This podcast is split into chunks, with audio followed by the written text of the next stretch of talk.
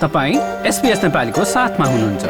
अरू रोचक सामग्रीहरूका लागि SBS dot com dot slash Nepali जानुहोस्।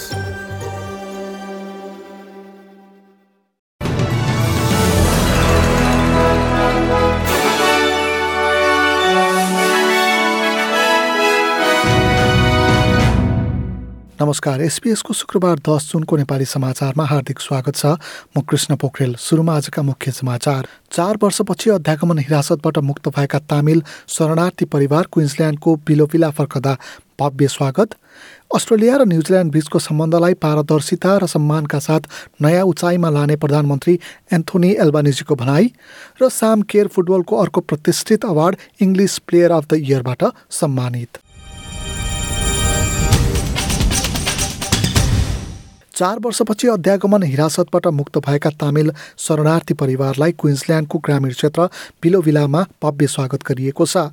नाडे सलिङ्गम परिवारलाई भेट्न र स्वागतका लागि छिमेकी एवं स्थानीय मानिसहरू विमानस्थल पुगेका थिए।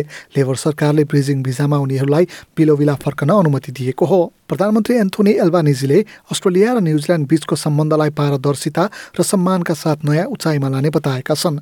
अस्ट्रेलिया भ्रमणमा रहेकी न्युजिल्यान्डकी प्रधानमन्त्री जेसिन्डा आर्डनसँग औपचारिक छलफलमा बस्नु अघि दुई समकक्षीले आज पत्रकार सम्मेलनका क्रममा क्षेत्रीय सुरक्षा र जलवायु परिवर्तनको मुद्दामा सामूहिक प्रतिबद्धता व्यक्त गरेका छन्। Together, we face global challenges of a changing climate, uh, economic headwinds, a more insecure uh, regional circumstance that we have to deal with, with strategic competition in the region.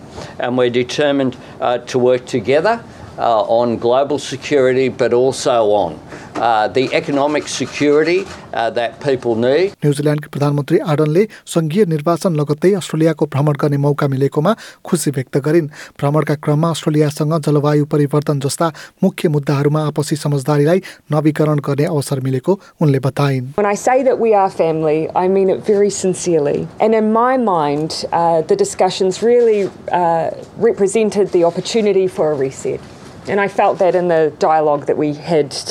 यसैबीच प्रधानमन्त्री एन्थोनी एल्बानिजी र न्युजिल्यान्डकी प्रधानमन्त्री जेसिना आर्डनका बीचमा न्युजिल्यान्डका नागरिकलाई visa रद्द गरी deport गरिएका घटनामा छलफल भएको छ अघिल्लो सरकारका अध्यागमन मन्त्री पिटर डटनले न्युजिल्यान्डका केही नागरिकलाई देश निकाला गरेर फोहोर बाहिर फ्याँकेको भन्ने अभिव्यक्ति दिएपछि दुई देशबीचको सम्बन्ध केही चिसिएको थियो अस्ट्रेलियाली अध्यागमन ऐनको पाँच सय एक नम्बरको बुदामा आपराधिक कारण एक वर्षभन्दा बढी जेल बसेका मानिसहरूको भिजा रद्द गर्न सकिने भन्ने प्रावधान रहेको छ। कतिपय अवस्थामा न्युजिल्यान्ड फिर्ता पठाइएका मानिसले आफ्नो पुरै जीवन नै अस्ट्रेलियामा बिताएको बताइँदै आएको थियो। यसअघि पनि प्रधानमन्त्री आर्डनले यसका बारेमा पुनर्विचार गर्न अस्ट्रेलियाली सरकारसँग माग गरेकी थिइन्। शुक्रबार प्रधानमन्त्री एल्बानिजी समक्ष उनले पुनर्विचारका लागि आग्रह गरेकी हुन्। Uh, realistic and secure pathway to permanent residence and citizenship for those who need it in Australia as well.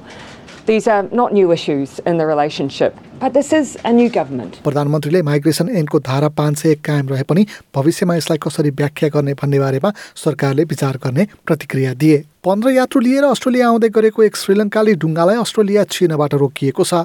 एक महिनाका बिचमा अवैध रूपमा अस्ट्रेलिया छिर्न खोजेको यो दोस्रो डुङ्गा हो। द अस्ट्रेलियन न्युज पेपरले उक्त डुङ्गामा आएका मानिसहरूलाई क्रिसमस द्वीपमा लगी त्यहाँबाट विमान मार्फत कोलम्बो पठाइएको रिपोर्टिङ गरेको छ। सङ्घीय सरकारले अवैध डुङ्गाहरूलाई फिर्ता पठाउने नीतिमा कुनै परिवर्तन नआएको प्रतिक्रिया दिएको छ। विपक्षी दलका नेता एवं पूर्व अध्यागमन मन्त्री पिटर डटनले भने सरकारले अध्यागमन सम्बन्धी मिश्रित सन्देश दिइरहेको बताए। Change what we had in place because we had got all of the children out of detention that Labor put in. We'd stop the boats, we'd stop the drownings at sea, and I just don't want to see it restart. But the people smugglers know that the same people are now in government who made terrible decisions before, and that's what they're preying on. Western अस्ट्रेलियाको जुवा सम्बन्धी नियामक संस्थाले अनुमति दिएपछि black stone नामक अमेरिकाको एक निजी कम्पनीले क्राउन रिजोर्टको स्वामित्व लिने प्रक्रिया सुरु गरेको छ न्यू साउथ वेल्स र भिक्टोरियाका अधिकारीहरूले उक्त क्यासिनो अमेरिकी कम्पनीलाई आठ दशमलव नौ अर्बमा बेच्नका लागि यसअघि नै अनुमति दिइसकेका छन् यद्यपि अन्तिम अनुमतिका लागि भने सङ्घीय अदालतको निर्णय पर्खनु पर्ने नियम रहेको छ। पछिल्लो समय क्राउन क्यासिनोले मनी लन्डरिङ लगायत विभिन्न मुद्दा खेपिरहेको छ। वेस्टर्न अस्ट्रेलियाका गेमिङ सम्बन्धी मन्त्री टोनी बोटीले ब्ल्याक स्टोनले एन्टी मनी लाउन्डरिङ लगायत विभिन्न अन्य शर्तहरूको पालना गर्नुपर्ने बताए। अब खेल समाचार श्याम केर फुटबलको अर्को प्रतिष्ठित अवार्डबाट सम्मानित भएकी छिन्। उनलाई महिलातर्फको इङ्ग्लिस प्लेयर अफ द इयरका रूपमा सम्मानित गरिएको छ। उनी यसअघि महिलातर्फको सुपर लिगमा गोल्डन बुटको विजेता बनिसकेकी छिन् भने फुटबल राइटर्स एसोसिएसनले उनलाई वर्षको उत्कृष्ट महिला खेलाडी घोषणा गरिसकेको छ। बेलायतमा सिनियर खेलाडीको उपाधि जित्ने उनी पहिलो अस्ट्रेलियन खेलाडी बन्न पुगेकी हुन्। गोल्डन बुटको रक्षाका लागि उनले बिस गोल गरेकी थिइन्। फुटबल खेलाडीको व्यावसायिक संस्थाबाट सम्मानित बनेकोमा आफू कृतज्ञ रहेको उनले प्रतिक्रिया Yeah, it's a massive honour. I think whenever you're voted by your peers, I think that's the highest honour as a player. So, um, yeah, it's an amazing feeling.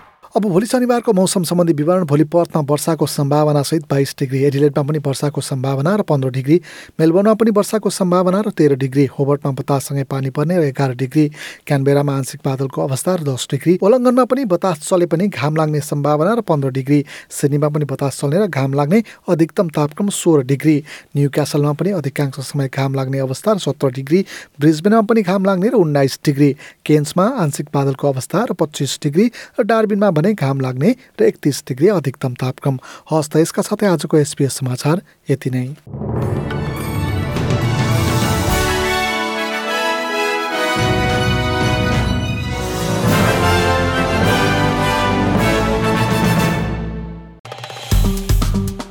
Like share र comment गर्नुहोस्। SBS नेपालीलाई फेसबुकमा साथ दिनुहोस्।